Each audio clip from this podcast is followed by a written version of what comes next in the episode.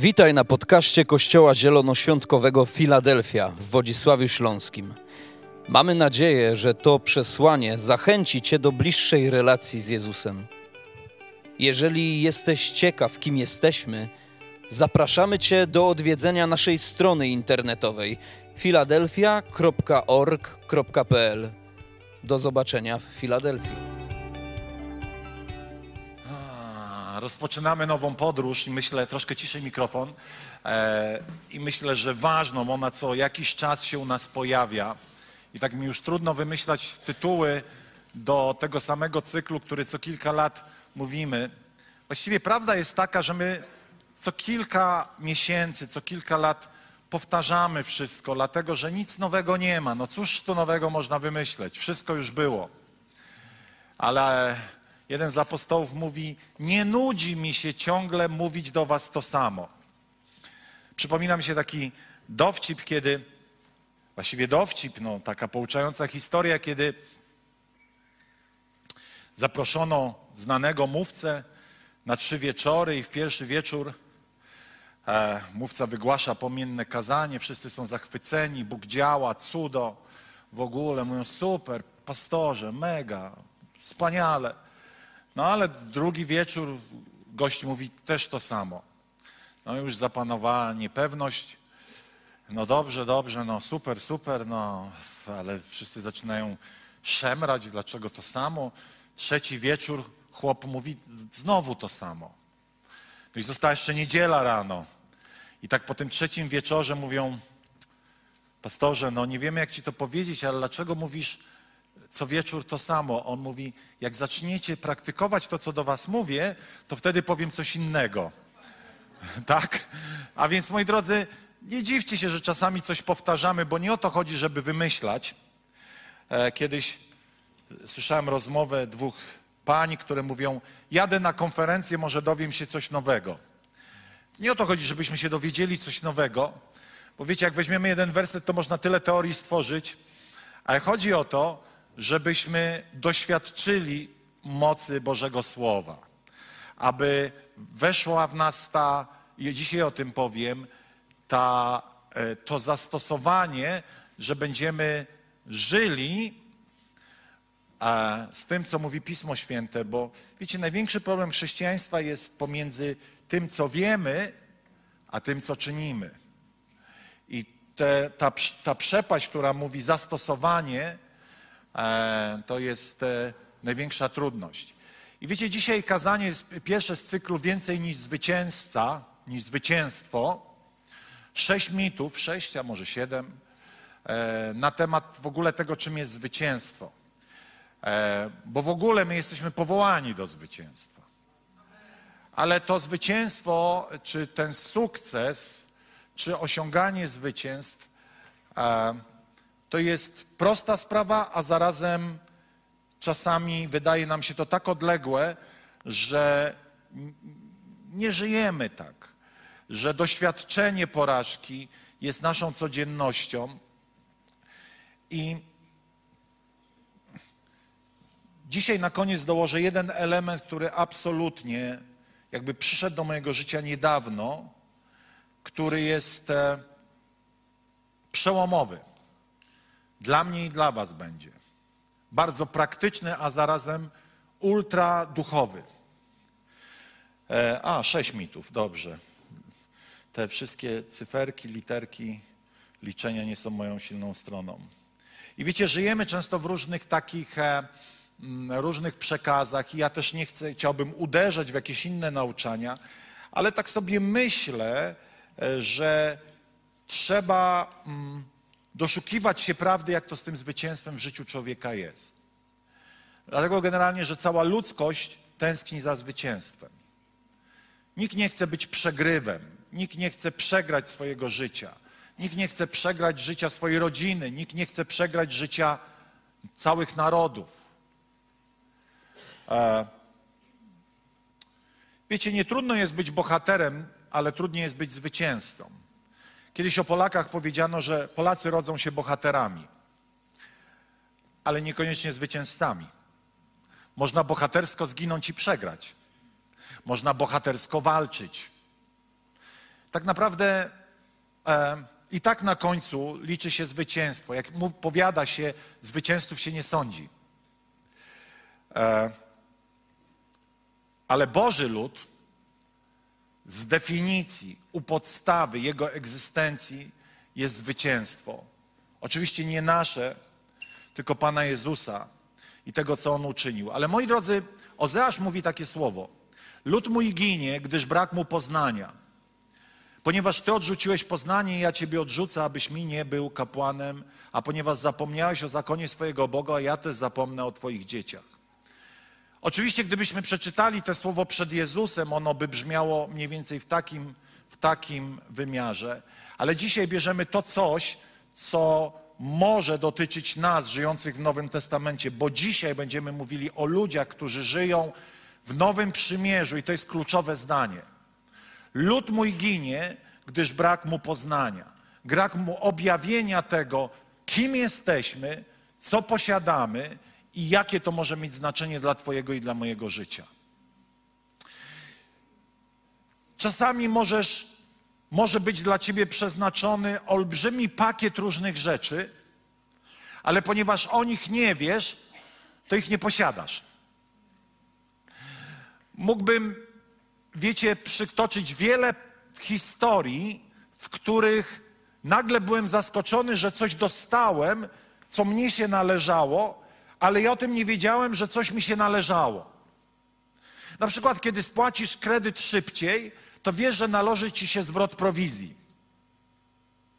I kiedy spłacasz ten kredyt szybciej, nagle przychodzą pieniądze na konto. I czujesz, że coś wygrałeś. Ale tak naprawdę niewiele wygrałeś, tylko odzyskałeś to, co twoje. Co wynika z jakichś zapisów umowy, ale są większe rzeczy, że możemy dziedziczyć wielkie dziedzictwo, a dalej żyć jak pokonani.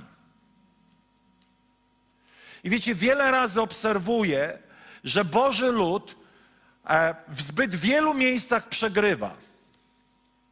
Osobistym życiu, życiu całych społeczności, e, miast, narodów. Nie mamy wpływu na tyle, żeby ludzie powiedzieli: Daj mi to. Wiecie, e, przez dwa tygodnie, to tak wplotę trochę, przez dwa tygodnie tutaj Jacek Płonka, któremu dziękuję, remontował pomieszczenie na terapeutyczne dla wolnych i zdrowych, aby osoby zmagające się z uzależnieniem e, mogły, mogły się spotykać. Dziękuję Ci, Jacku. Podziękujmy mu. Wiecie, na wolontariacie dwa tygodnie rzeźbił człowiek. Ale chcę Wam powiedzieć, że Chrześcijańska terapia oparta o Ewangelię Jezusa Chrystusa ma największy procent ludzi wyzwolonych. Około ilu? 30? Będzie. O 90% więcej. To jest niesamowite. Wiecie, są rzeczy, z którymi świat się dzisiaj wzmaga, ale gdybyśmy rozumieli, że to zmaganie ma swoje rozwiązanie w Jezusie Chrystusie, jakże bylibyśmy miejscem, które ściąga tłumy, ponieważ przyszliby do nas ludzie cierpiący w różnych obszarach swojego życia, szukając ulgi w tym, co ich dewastuje. Ale żeby oni mogli przyjść, my musimy więcej zwyciężać. A więc moi drodzy, zadam wam pytanie, jaki jest Twój Bóg? Jaki jest mój Bóg? Czy mój Bóg i Twój Bóg nie jest wyobrażeniem, te, czy Jego obraz nie wynika z, mojego wyobraż- z moich doświadczeń? Wiecie, bardzo często mój Bóg jest taki, jak to, co mnie spotyka. Wierzę w takiego Boga, jakim porażki i doświadczenia dotykają mojego życia. I najczęściej postępowanie jest takie, że zniechęceni redykujemy swoją chęć walki dalej o rzeczy, w których przegrywamy. Zaczynamy je akceptować, czyli zaczynamy akceptować nieszczęście w swoim życiu. Porażkę, niewolę, to wszystko gdzieś ugniatamy, żeby jakoś nauczyć się z tym żyć. I myślimy sobie tak, okej, idę do nieba, ale kompletnie nie jestem szczęśliwy tutaj na ziemi i nie doświadczyłem tego wszystkiego, o czym Biblia mówi, że mógłbym doświadczyć. Widocznie Bóg ma inny plan i coś ze mną jest nie tak. Ja mam czasami takie momenty, kiedy patrzę na swoją duszę, swoją dosyć dziwaczną e, osobowość i sobie myślę, wow, e, chyba coś ze mną jest nie tak, chyba tak musi zostać. Kiedy mam takie momenty zniechęceń, zaczynam przyjmować podświadomie moje doświadczenie jako standard dla życia.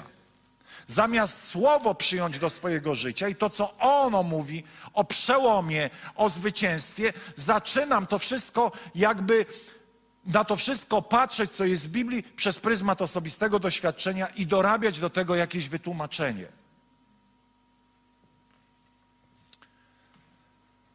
A więc Bóg jest tak wielki, jaki jest wielki w mojej głowie, a w mojej głowie bardzo często jest zredukowany do moich osobistych sytuacji i przegranych.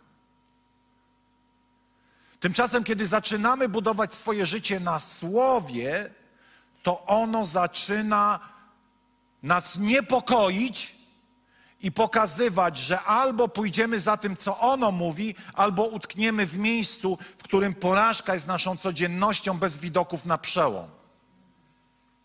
I wiecie, mało tego, my sobie do tego nawet znajdziemy wersety. Mało tego, nawet uznamy, że jest to jakiś wyższy poziom duchowości. Widocznie Bóg tak chciał. Albo gorsza wersja jest taka, że kiedy nie doświadczamy jakiegoś przełomu i zwycięstwa, odchodzimy zniechęceni od kościoła. Pastorze, to nie działa. Pastorze, tyle lat się męczę z czymś, ale to nie działa. Pastorze, skoro Bóg taki, jaki jest, e, skoro Bóg taki jest, jak mówi Biblia, to dlaczego nie jest taki w moim życiu? I ludzie reagują tak, w taki sposób: albo są sfrustrowani sobą i zostają na pewnym minimum, albo odchodzą zupełnie, będąc rozczarowanymi chrześcijaństwem. Każdego dnia podejmuj decyzję, aby nie zamykać Boga w swoim ograniczonym umyśle. O, mógłbym Wam opowiadać wiele historii, i myślę, że i Wy macie wiele historii, do których, które były świadectwem Bożej wielkości, i Bóg zrobił coś, co z punktu widzenia ludzkiego wydawało się niemożliwe. O tak, on zareagował czasami zupełnie inaczej niż tego oczekiwaliśmy, ale zawsze genialnie. Mam takie powiedzenie: zawsze jest jakieś wyjście, tylko jeszcze go nie znam. Zawsze jest jakieś wyjście, przez które Bóg przyjdzie, albo wejście i coś odmieni. Ale ponieważ my kreślimy pewne scenariusze, to bardzo często na początku czujemy się rozczarowani, kiedy Bóg przychodzi inaczej. Panie, potrzebujemy przełomu najlepiej dzisiaj. Po czym przełom przychodzi za rok i my stwierdzamy, nie, no już za późno, a po jakimś czasie stwierdzamy, że to był najlepszy czas. A więc nie chcę go zamykać. Mój Bóg nie może być zredukowany do, do pojemności mojego mózgu. On jest większy niż to, co potrafię sobie wyobrazić, większy nawet niż moja wiara. On jest większy niż to, co wydaje mi się, on jest większy ponad to, co myślę, że jest niemożliwe. Bóg zawsze może wszystko, wszędzie, o każdym czasie. I to jest coś, czego musimy się nauczyć. Oddajmy mu chwałę. Wiecie, wiele rzeczy, jeżeli wierzymy, że Bóg jest Panem historii, to trochę Wam przytoczę przykładów, o których mówiłem w 2015 roku, które wydawały się niemożliwe. A ponieważ wiemy, że Bóg powołuje rzeczy i nic nie dzieje się bez Jego dopustu, jest takie pojęcie teologiczne, dopust Boży, nie wola Boża, ale dopust Boży, czyli coś może być nie być wolą Bożą, ale Bóg dopuszcza do tego z jakichś powodów, ale Bóg dopuszcza, coś staje się Jego wolą, coś, co było dla nas może niewyobrażalne, że mogło się wydarzyć. Bardzo prosty przykład. Ja urodziłem się w 1969 roku, kiedy komunizm upadł, miałem lat 19. Ale kiedy miałem lat 16 i 17, niewyobrażalnym było, żeby Związek Radziecki kiedyś upadł. Halo, tu ziemia.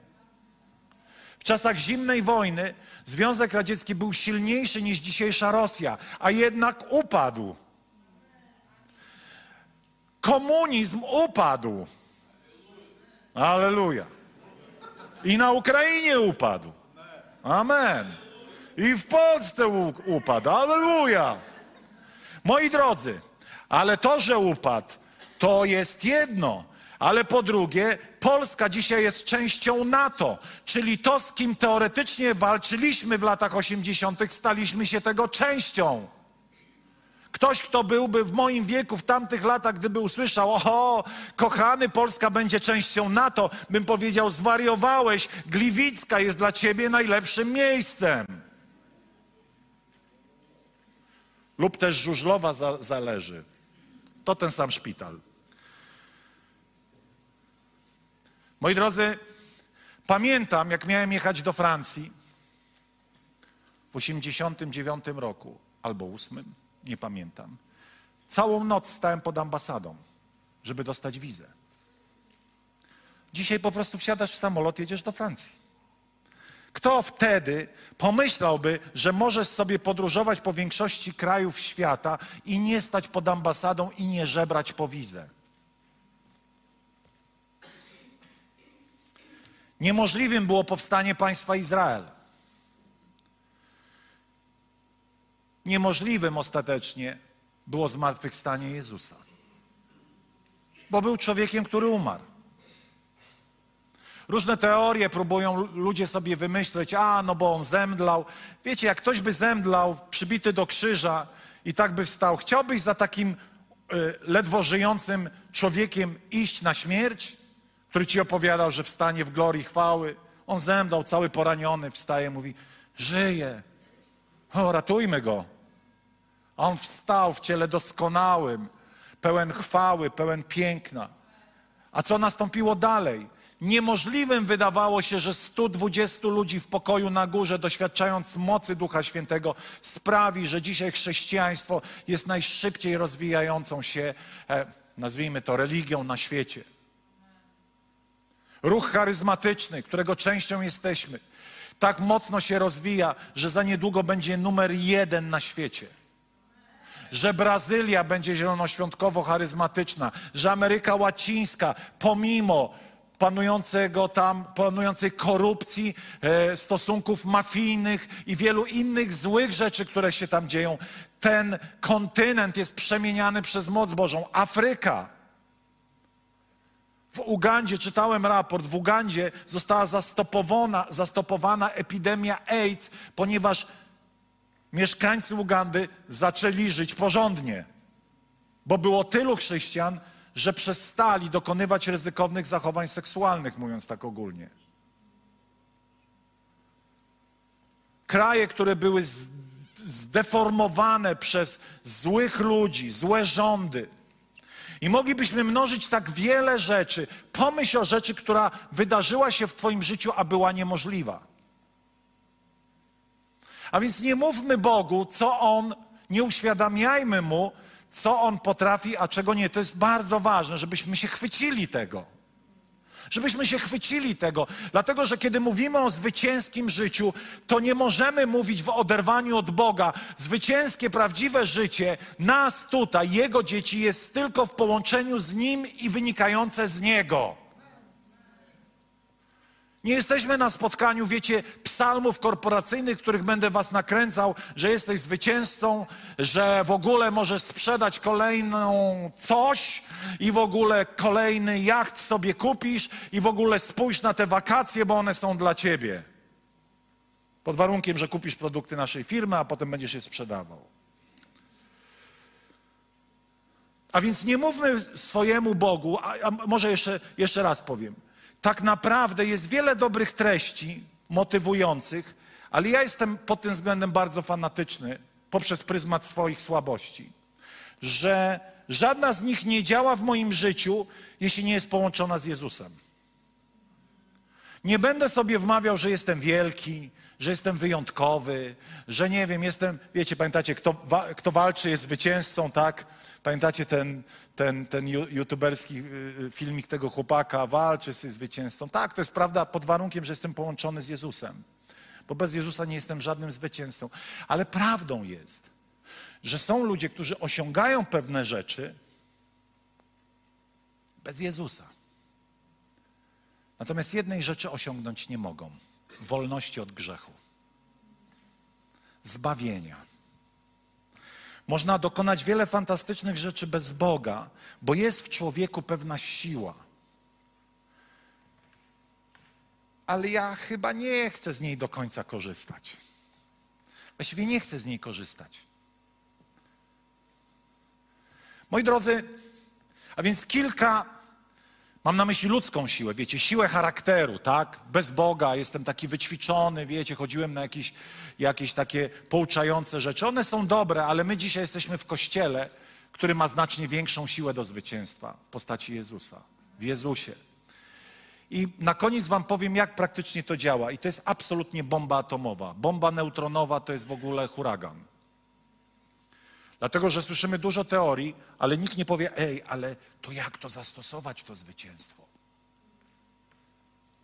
A powiem Wam dzisiaj na koniec, nie, muszę się śpieszyć, o miłosierdziu i o łasce, ale o praktycznym zastosowaniu miłosierdzia i praktycznym zastosowaniu łaski. A więc, moi drodzy, mit numer jeden, zwycięskie życie wiąże się z pozytywnym myśleniem, nauczaniem biznesowym lub też Ewangelią sukcesu. Moi drodzy, po prostu Ewangelia jest sukcesem i zwycięstwem. Dziękuję za jedno amen. No nie ma większego sukcesu. Ludzkość od zawsze chciała wygrać z grzechem, przebłagać bóstwa. Budowali ołtarze, chcieli jakoś, żeby bliżej nieokreślone albo określone bóstwo pogańskie, czy takie, czy inne, nie gniewało się na człowieka, było przychylne. Człowiek od zawsze szukał przychylności bóstw większych od niego samego. I nagle przychodzi prawda w Jezusie Chrystusie, łaska w Jezusie Chrystusie, odkupienie grzechów, czyli to, co cały świat próbuje robić ciągle w różnych postaciach, w Jezusie Chrystusie odnosimy sukces nad grzechem. Nie idziemy na potępienie, ale też coraz bardziej możemy manifestować ten sukces nad grzechem tu i teraz. A więc Ewangelia jest sukcesem. Ewangelia to ostateczne, końcowe zwycięstwo nad grzechem, szatanem, złem. To jest zwycięstwo. Ono już się dokonało, ale my jesteśmy po to, żeby ono mogło zostać wprowadzane i manifestować się w naszym życiu, całej społeczności, miast, narodów, jak i moim osobistym życiu. Moi drodzy, czy Jezus skończył swoją misję jako rozczarowany? Czy Jezus skończył swoją misję i powiedział: Starałem się, ojcze. Poszedłem nawet na krzyż. Ledwo zmartwychwstałem. Prawie bym nie zmartwychwstał. Udało się. Może innym też się coś uda. Ich tak niewielu poszło za mną. Jestem zniechęcony. Wiecie, często ludzie, w których umyśle jest mały Bóg, i powiem to odważnie, tworzą teologię małej trzutki, w której Syn Boży poszedł na krzyż, a tak niewielu w końcu do tego nieba poszło. I on tak siedzi na tym tronie i mówi, czy warto było? Boże, taka ciężka misja, tylko stu? Trzystu? Sto tysięcy? Czytajcie objawienie Jana, w którym jest wizja nieba, w którym ludzi zbawionych było całe mnóstwo. Ale możemy wcześniej powiedzieć, Jezus powiedział, żniwo jest wielkie, gotowe. A więc ludzi, którzy, których serca są gotowe, jest całe mnóstwo. Mamy zaburzoną perspektywę żyjąc w Europie. Tak, Kościół w Europie przegrywa, ale to nie jest jego ostateczny stan. Pewnego dnia wszystko się odwróci. Ale jeśli byście pojechali do Azji, pojechali do Afryki, nawet do Ameryki Północnej, nawet do Ameryki Południowej, wygrywamy. Wygrywamy. Opowiadał mi kiedyś e, pewien pastor z Brazylii, który tutaj, pamiętacie, był taki heavy metalowiec, czarne włosy. I on opowiadał, w Brazylii założyć kościół to jak założyć sklep. Idziesz, bierzesz jakiś skrzynkę po jabłkach, stajesz, głosisz Ewangelię i ludzie zaczynają wokół ciebie się gromadzić, bo się nawracają. I po prostu zakładasz sobie jakiś kościół. 20 osób, 30. To jest tak. Pamiętam w Polsce, kiedy założyć kościół w latach 90. było tak. Rozbijało się namiot, grało się, ludzie się schodzili i zawsze po takim spotkaniu zostawało kilkanaście, kilkadziesiąt osób. Można było tak założyć kościół. Ale potem wiara zaczyna usychać, zaczynamy tonować nastroje, bez emocji, spokojnie. Trzeba teraz się tu więcej nauczać, mniej ewangelizować i straciliśmy ogień. Ale moi drodzy, chcę Wam powiedzieć, że Jezus nie skończył jak przegrany swojej misji, ale skończył uśmiechnięty, zadowolony, pełen piękna i powiedział: idźcie i głoście, bo będzie dużo ludzi w niebie. Będzie dużo, bo zwyciężyliśmy. Oto bardzo szybko fragmenty, które mówią: Zwycięzcy dam spożywać z drzewa żywota, który jest w raju Bożym. Idąc dalej, zwycięzcy i temu, kto pełni aż do końca uczynki moje, dam władzę nad poganami. Zwycięzcy pozwolę zasiąść ze mną na moim tronie, jak i ja zwyciężyłem i zasiadłem wraz z Ojcem. Idąc dalej, pierwszy list Jana 2,10. Piszę wam, ojcowie, gdyż macie tego, który jest od początku. Piszę, piszę wam, młodzieńcy, gdyż zwyciężyliście złego. Napisałem wam, dzieci, gdyż znacie Ojca. Napisałem Ojcowie, gdyż znacie tego, który jest od początku. Napisałem wam, młodzieńcy, gdyż jesteście mocni i Słowo Boże mieszka w was i zwyciężyliście złego. Wow! Zwyciężyliście złego. Synowie, córki, ojcowie, zwyciężyliście złego, bo On zwyciężył, a On mieszka w nas, więc zwyciężyliśmy złego. Od momentu, kiedy stałeś się częścią Bożej rodziny, jakiś pakiet mocy i zwycięstwa jest w Twoim życiu dostępny. Ale teraz musisz go wziąć i na koniec powiem, jak go się bierze i zacząć go używać. A więc tu nie chodzi, mit numer jeden, to nie jest jakieś pozytywne myślenie, nakręcanie się, motywowanie, ale po prostu Ewangelia jest sukcesem, najpiękniejszym sukcesem świata. Po drugie, nic nie muszę robić, Bóg walczy za mnie. W duchowej rzeczywistości tak. Ale kiedy patrzymy na nauczanie i starotestamentowe, i nowotestamentowe, zawsze trzeba dokonać jakiegoś czynu wiary, jakiegoś posłuszeństwa. Choćby taka prosta rzecz, jak napisane jest, Bóg pokornym łaskę daje, a pysznym się przeciwstawia. Ponieważ na koniec będziemy mówić dużo o łasce, to żeby otrzymać łaskę, muszę stanąć przed Bogiem w pokorze. To nie jest tak, że moje serce jest w jakimś dziwnym stanie wyniosłości, a Bóg będzie dawał mi zwycięstwo, ponieważ kiedy jestem wyniosły i będę zwyciężał, to będę jeszcze bardziej wyniosły. Wiecie o tym. Kiedy Twoje serce jest pełne pychy i nagle doświadczasz różnych zwycięstw, to o innych myślisz, którzy nie zwyciężają, to durnie, słabe usze gardzę nimi. Ja jestem zwycięzcą. No właśnie nie. Właśnie najpierw uniżamy się przed Bogiem i też powiem, słuchajcie uważnie, jak się uniżamy przed Bogiem, a On udziela nam łaski, udziela nam swojej przychylności. Czasami, kiedy patrzymy na historię zwycięstw z Biblii, widzimy, że po prostu czasami ludzie Boży musieli zacząć walczyć. Gedeonie, Mamy misję. Pójdziesz, zniszczysz ten ołtarz. Panie, a czy mogę chociaż w nocy? Bo się boję w dzień. To jest w ogóle genialne. Wiecie, to nie był typ superbohatera. Nadlatuje. Uuu, ciach. Obelisk zepsu, z, zniszczony. On mówi, boję się, to ja to w nocy zrobię. I Pan Bóg mówi, okej. Okay. Ale czy Pan Bóg mógł piorunem walnąć w ten ołtarz? Mógł. Ale chciał kogoś uczynić zwycięzcą. I mówi: Ty to zrobisz. Są bitwy, w których musisz po prostu uczestniczyć. Są bitwy, w których musisz po prostu coś zrobić. ponieważ zawsze jesteśmy współpracownikami Boga, ale to uczestnictwo z jednej strony musi być nacechowane wiarą, że Bóg jest ze mną, a z drugiej strony musi być nacechowane moim przekonaniem o mojej osobistej słabości, do której niewielu chce się przyznać. Co u ciebie? Super, super. Czasami jest smutne, kiedy jako pastor pytam kogoś z was, co u ciebie, i nie czujesz, jakby boisz się odrzucenia i mówisz super, super. To nie jest dobry pomysł na zwycięstwo. Czasami trzeba przyznać się, że jest źle.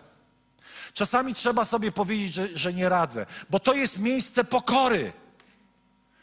Przyznać się przed Bogiem, ale czasami Bóg stawia ludzi na naszej drodze, wobec których nabieramy zaufanie i mówimy: Stary, nie jest dobrze. Nie jest dobrze.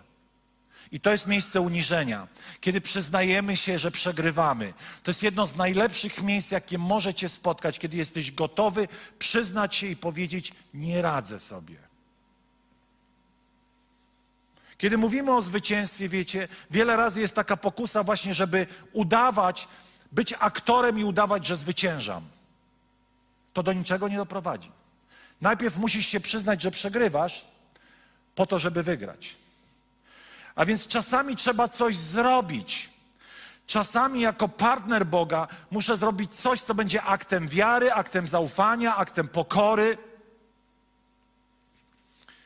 I wiecie, w, tym, w, ty, w tych całych duchowych bitwach Bóg bardzo często właśnie przyciąga jego uwagę moment, w którym redukujesz poczucie swojej osobistej siły.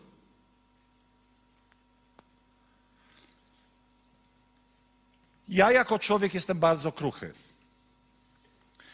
Bardzo łatwo jest mnie zranić. Ja wiem, że jestem mistrzem udawania i udaję, że po mnie to spływa, ale generalnie jestem jak szkło. I dlatego bez Boga nie jestem w stanie normalnie egzystować.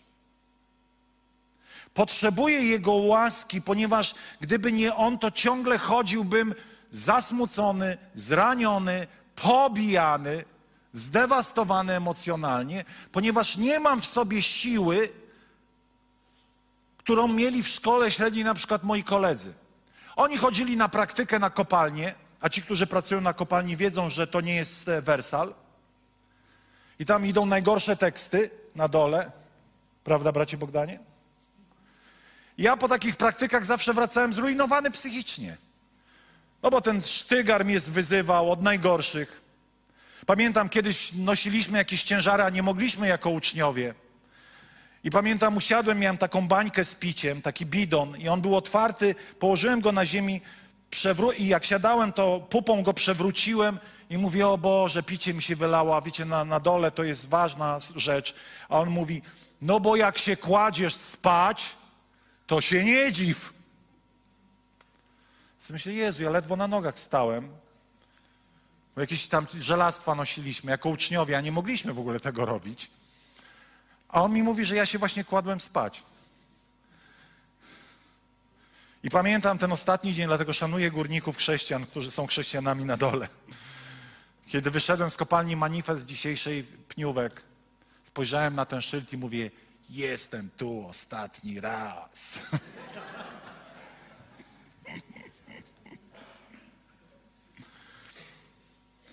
Wiecie, ja nie wiem do końca, jak to się dzieje, ale Bóg redukuje Twoje i moje osobiste poczucie siły, żeby móc zamanifestować o wiele większą siłę.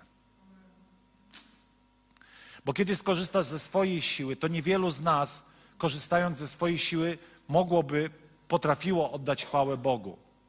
Jest coś w człowieku od samego początku, to nazywamy pychą, czyli chęć poczucia się lepszym, silniejszym.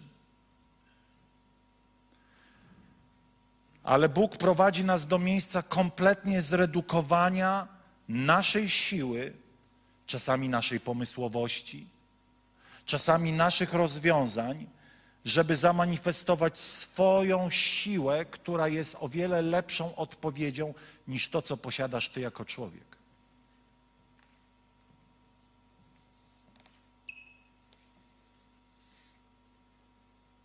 miejsce, jakby kiedy dochodzimy do miejsca, brakuje mi słowa, miejsca takiego, że już nie wiem, co zrobić, nie wiem, jak zrobić. Już wszystkie pomysły się wyczerpały. To wiedz, że Bóg przychodzi z najlepszym rozwiązaniem. Nigdy cię nie zostawi. Ale to jest miejsce, w którym będziesz musiał zrobić jedną rzecz, która uwolni coś nad Twoim życiem. Zwycięstwo to jest kolejny mit, choć w duchowej rzeczywistości jest pełne, to czasami dochodzimy do niego poprzez wygrywanie, a czasami przegrywanie pomniejszych bitew. Czasami pewne rzeczy dzieją się natychmiast. Wiecie, kiedy w dzień mojego nawrócenia nikt mnie nie oduczał przeklinać, a przeklinałem jak szewc. Nikt mnie nie oduczał palić, a paliłem jak smok. Po prostu powierzyłem swoje życie Jezusowi, moje usta zaczęły być inne, moje potrzeby były inne i to jest moje osobiste doświadczenie. To było instant. Byłem typem imprezowicza, nagle alkohol przestał mi smakować.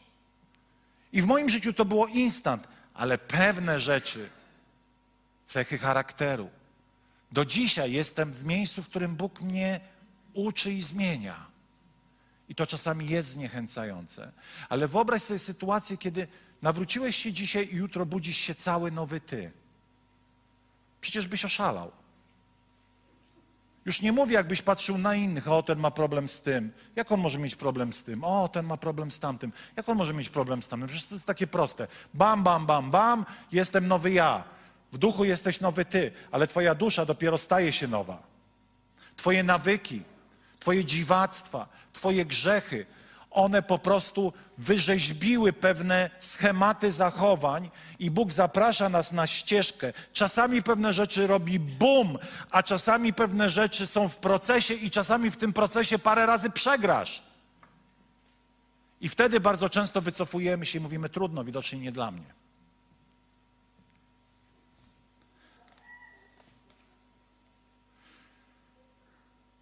Zwycięstwo, kolejny mit, zawsze jest cudem.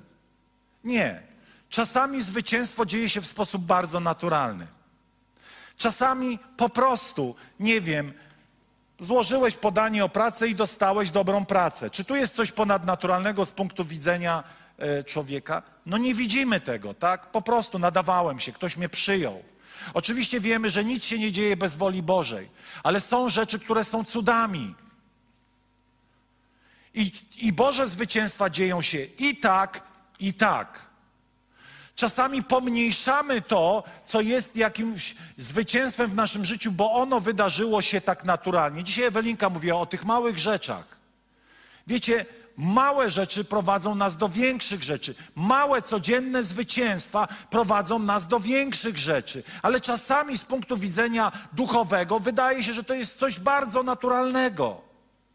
Nie garćmy tymi małymi rzeczami, tymi, które dzieją się w sposób bardzo naturalny, tak jak oczekujmy rzeczy, które ewidentnie będą takim boom. Zwycięstwo zawsze jest zwycięstwem, natomiast ma różna, różna droga do nich prowadzi.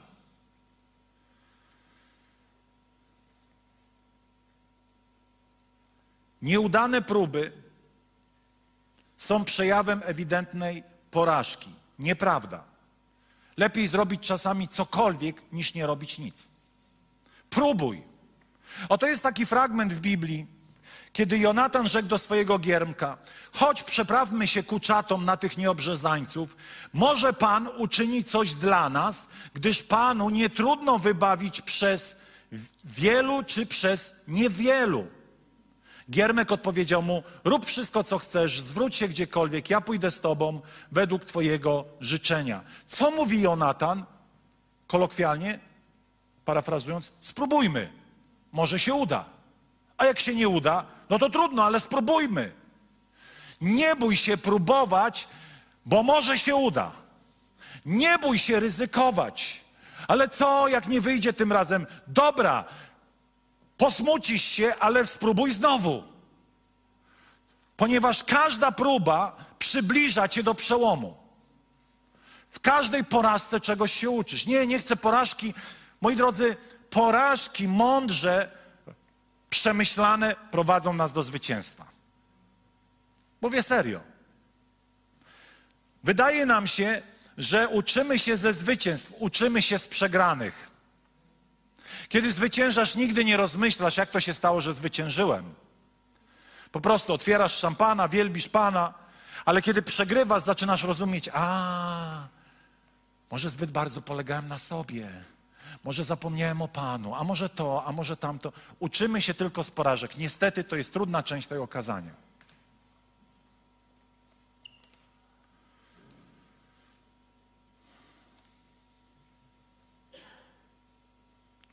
To nic, że przegrywasz u ludzi, ponieważ pamiętaj, że Bóg ma inną definicję sukcesu. To, co u ludzi jest przegraną, u Boga jest zwycięstwem. I mógłbym mnożyć przykłady z waszego życia, z mojego. Ktoś może powiedzieć, nie wychodziło mu w życiu, to zaczął chodzić do Filadelfii. Kochani, zobaczymy nad grobową deską, kto kończy bieg w chwale, a kto kończy bieg w porażce. Bardzo często ludzie mówią, a chrześcijanie, to oni, oni sobie nie radzili w życiu, to oni tam, wiecie, się ponawracali, żeby jakoś przeżyć. Nie, nie, nie. Jak to mówił premier Miller, nieważne jak zaczyna mężczyzna, ważne jak kończy, cokolwiek to znaczy. A więc, kiedy zaczynasz budować życie z Bogiem, to jest pewnym, że dobiegniesz w dobrej kondycji swój bieg. To dobiegniesz w piękny sposób swój bieg. To dobiegniesz do mety jako, jako ten, który biegnie po nagrodę w chwale.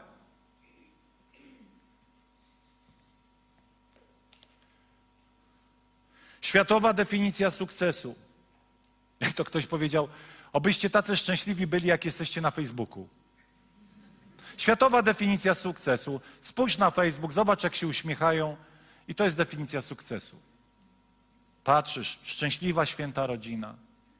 Tacy cudowni, trzymają się za ręce. A w domu po prostu toporki latają i tomochołki. Ale pojechali na wakacje, naudawali, poustawiali się do zdjęć. Bracie, no i co ci ten Bóg daje twój? Ja mam dwa Audi, jedno BMW. Nie zabierzesz tego do nieba. Fajnie, że masz. Fajnie, kiedy się powodzi, ale to nie to, co u ludzi jest definicją sukcesu, u Boga jest. Myślę, że u Boga jest jedna definicja sukcesu, aby być podobnym jak On.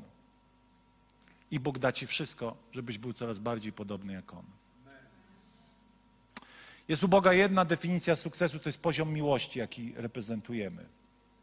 To jest jedyna definicja sukcesu, bo liczy się miłość. Wiecie, że u Boga się nie liczy pobożność? Ja to wytłumaczę.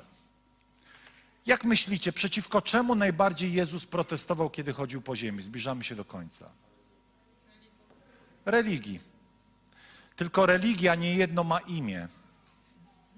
Jest religia zielonoświątkowa, religia katolicka, ewangelicka, wolnych chrześcijan, kościoła ewangelicznych chrześcijan. Polega ona na tym, że jest to duma z powodu swojej pobożności.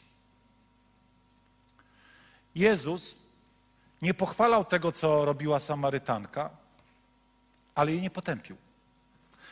Nie pochwalał kobiety Marii Magdaleny, która przyszła i powiedziała: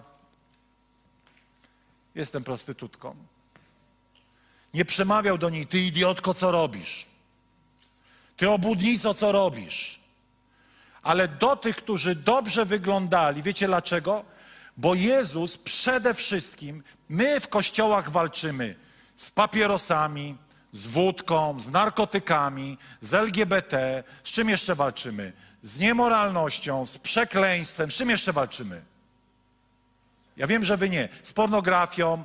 A z czym walczył Jezus? Halo, tu ziemia. Z jednym rodzajem grzechu. Pychy. Pychy. Ile kazań głosimy na temat pychy? Ile kazań głosimy na temat pokory? Czy wiecie, że pycha jest źródłem wszystkich innych złych rzeczy?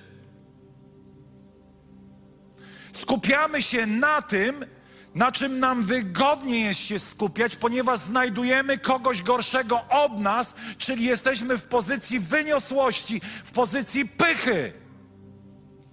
Jak on mógł to zrobić? No mógł, no i co z tego? A jak tamten mógł to zrobić? No mógł, ale za każdym razem, kiedy mówisz, jak on mógł to zrobić, to stajesz się faryzeuszem. To jest rodzaj ukrytej pychy. Duma z powodu swojej pobożności.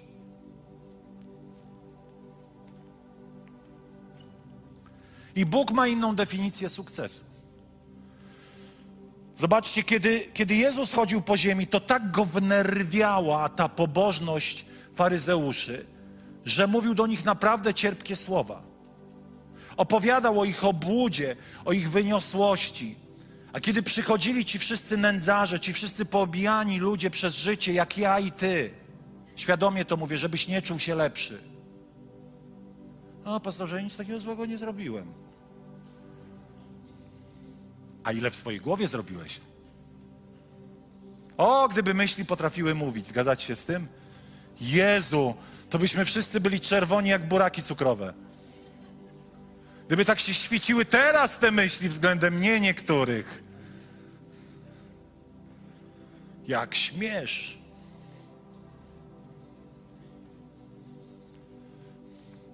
Moi drodzy, bądźmy szczerzy.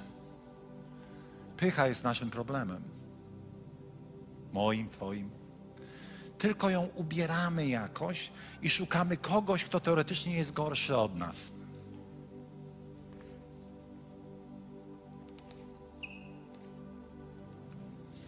Kończąc teraz do sedna. Nasze życie ma swoje blaski i cienie. Być może mamy historię swoich przegranych bitew. Trudno nam jest uwierzyć, że może być inaczej, że możemy naprawdę mieć jakiś przełom w jakimś obszarze. Wiecie, najczęściej to jest tak, że jakaś jedna, dwie rzeczy sprawiają, że nie możemy fruwać. Tak jak to mówili list do Hebrajczyków, zrzućmy wszelki ciężar i grzech, który nas usidla. Czasami to jest jeden grzech, czasami dwa, a czasami trudna sytuacja w życiu która sprawia, że nie możemy, bo nie za każdym razem mówię o grzechu, czasami mówię po prostu o trudach życia.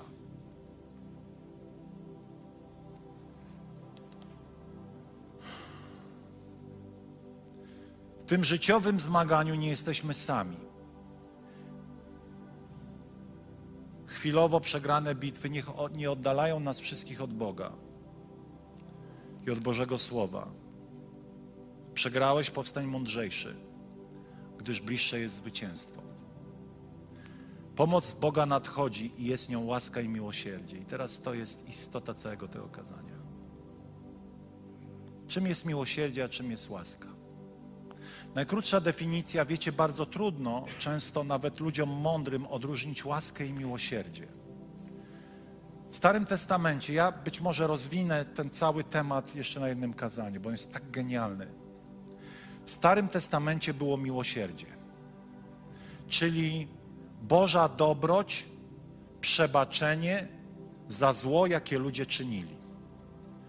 Bóg wybaczał ludziom ich zło, wzywał ich do opamiętania i dzięki miłosierdziu nie dostępowali kary. A więc miłosierdzie jest nie otrzymaniem tego, na co zasługujesz. Ponieważ według standardów Biblii zapłatą za grzech jest śmierć, jest kara. Tymczasem łaska to jest otrzymanie czegoś, na co nie zasłużyłeś. To jest najprostsza definicja. Czyli każdy z nas, kiedy upada, doświadcza miłosierdzia. Ale teraz co zrobić? Po co w takim razie jest łaska? Łaska jest po to, abyś nie upadł.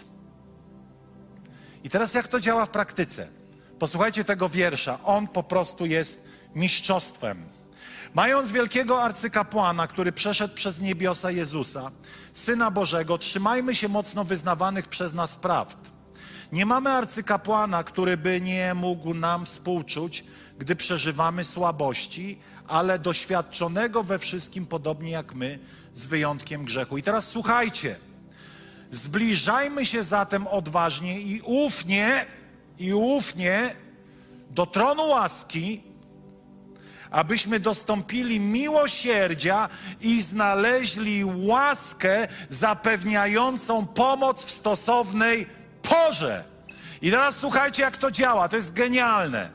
Oto jesteś w miejscu, w którym jesteś, upadłeś. Przychodzisz do Boga i prosisz Go o miłosierdzie. Zostałeś pokonany przez pokusę, bo jeszcze nie słyszałeś tego wiersza, o którym Ci dzisiaj czytam. Ale przychodzi moment, kiedy zaczynasz drugi raz być kuszony w tym obszarze, nie prosisz Boga o miłosierdzie, ale w tym momencie, bo tu jest napisane w stosownej porze, czyli w momencie pokusy, prosisz Boga o łaskę. Kiedy zaczynasz być kuszony, wypowiadasz w swoich myślach, swoimi słowami: Panie, niech Twoja łaska się teraz objawi. Panie, niech Twoja łaska się teraz objawi. I czujesz, jak pokuszenie ustępuje, czujesz, jak ono spada. Panie, niech Twoja łaska się objawi. Panie, nie chcę przegrać, nie chcę zgrzeszyć. Panie, niech Twoja łaska, więcej Twojej łaski i więcej Twojej łaski. I nagle czujesz, jak to napięcie opada i wstajesz i odchodzisz. Ja wiem, że to brzmi jak z komiksu. Ale w tej godzinie próby przywołujesz łaskę Bożą, która jest manifestacją Twojej pokory. Stajesz przed Bogiem nago, bez swojej własnej siły i mówisz: Niech Twoja łaska mnie teraz umocni. Niech Twoja łaska to nie jest tylko grzech. To są trudne momenty. Niech Twoja łaska umocni mnie w godzinie próby życiowej w jakimś obszarze. Niech Twoja łaska umocni mnie w chwili tragedii. Niech Twoja łaska umocni mnie w godzinie pokuszenia. Pamiętacie, kiedy Jezus był kuszony, żeby nie pójść na krzyż? Jest napisane, a anioł posilał tam był ten moment, kiedy Jezus przyszedł i powiedział: Ojcze, widzisz, że słabnę, że boję się, ale nie moja wola, ale Twoja. I to poddanie, to posłuszeństwo uwalniało łaskę nad Zbawicielem. A anioł posilał go. Zadanie domowe dla Ciebie, abyś od teraz, kiedy przychodzą momenty, kiedy jesteś kuszony zrobić to, czego nie chcesz zrobić, zacznij przywoływać łaskę. Zacznij prosić Boga o łaskę. Nie poddawaj się, jeśli nie wyszło, ale gwarantuję Ci, zacznie działać od pierwszych chwil. Panie, Twoja łaska, jestem bezsilny. Twoja łaska, niech Twoja łaska zadziała, kiedy ktoś podsuwa mi alkohol. Niech Twoja łaska zadziała, kiedy otwieram stronę pornograficzną. Niech Twoja łaska zadziała, kiedy jestem kuszony, aby po prostu być zły, pełen złości na kogoś. Niech Twoja łaska zadziała. Nie mówiłem tego w domu, więc będzie wielkie zdziwienie. Wybacz, żono. Ostatnio śpieszyłem się na pewne, na rozprawę sądową związaną z odszkodowaniem naszej córki. Trzymałem to na ten dzień. Już widzę jej niepewność. I wiecie, patrzę, jest żółte światło. I ono jeszcze było żółte tak nade mną. Ale zapaliło się czerwone nad, nad dachem samochodu. Nic by nie było, gdyby nie to, że radiowóz za mną jechał. Zatrzymuję się i wtedy mówię, panie, niech twoja... Moja żona wie, że jestem głównym pyskaczem policyjnym. Ja mówię, panie, zresztą policjanci kościeli mnie pouczyli, nigdy nie kłóć się z policją. No, ale wiecie, wiedzieć, a praktykować są dwie różne rzeczy. I mówię, panie, niech twoja łaska bo jestem wzburzony, że się śpieszę. A ten policjant wychodzi i mówi, co? Nie widział pan nas?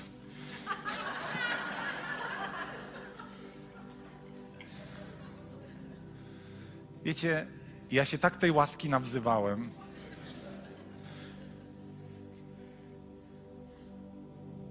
Ja czuję, że nie jestem w ogóle opozycyjnie nastawiony do nich. Mówię, panowie, nie mam czasu, jadę na rozprawę. Czyńcie swoją powinność. I mówię, y, przyjmuję wszystko. A on mówi, tak, przyjmuje pan wszystko? Ja mówię, tak, przyjmuję wszystko. Tylko nie chciałem, żeby mnie zapytał, kim jestem z zawodu. A on mówi, dobrze. Kara finansowa taka i 15 punktów karnych. Ile? Więc jak zobaczycie kogoś tirokiem w Wodzisławiu jeżdżącego super przepisowo, to jestem ja. Bo dzięki mojej ukochanej żonie, zobaczcie jak ona jest czerwona z nerwów. dzięki mojej żonie mam 6 punktów karnych, czyli mam 21. Proszę? No nie, no wiadomo, że nie przez ciebie. W każdym razie, co chcę powiedzieć? Wiecie, to było dla mnie przełomowe zwycięstwo. Nie dlatego, że ja zacisnąłem zęby i nic nie powiedziałem, ale ja naprawdę nie poznawałem stanu swojego spokojnego ducha, który mi towarzyszył. To taka pierwsza próba, jak łaska Boża może odmienić nasze niewłaściwe często zachowania. To jest mała sprawa, choć dla mnie totalnie wielka. Ale kiedy przyjdzie moment próby, kiedy przyjdzie moment kryzysu, kiedy przyjdzie mo moment, że czujesz, że jesteś słaby, wołaj o Bożą łaskę. A kiedy upadłeś, wołaj o Boże miłosierdzie. Abyś powstał i zaczął doświadczać Bożej łaski. Powstańmy.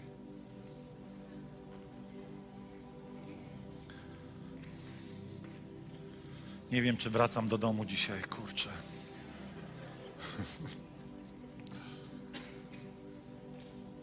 Zapytam przed kościołem, nie będziesz po mnie krzyczeć dzisiaj? nie mówi nic. Pomódlmy się. Przyjmijmy to objawienie, takie proste, wiecie, to jest tak proste, że aż przerażające, że tak proste. Panie, modlimy się o to dzisiaj abyśmy umieli przyjąć Twoją łaskę, abyśmy umieli o nią poprosić.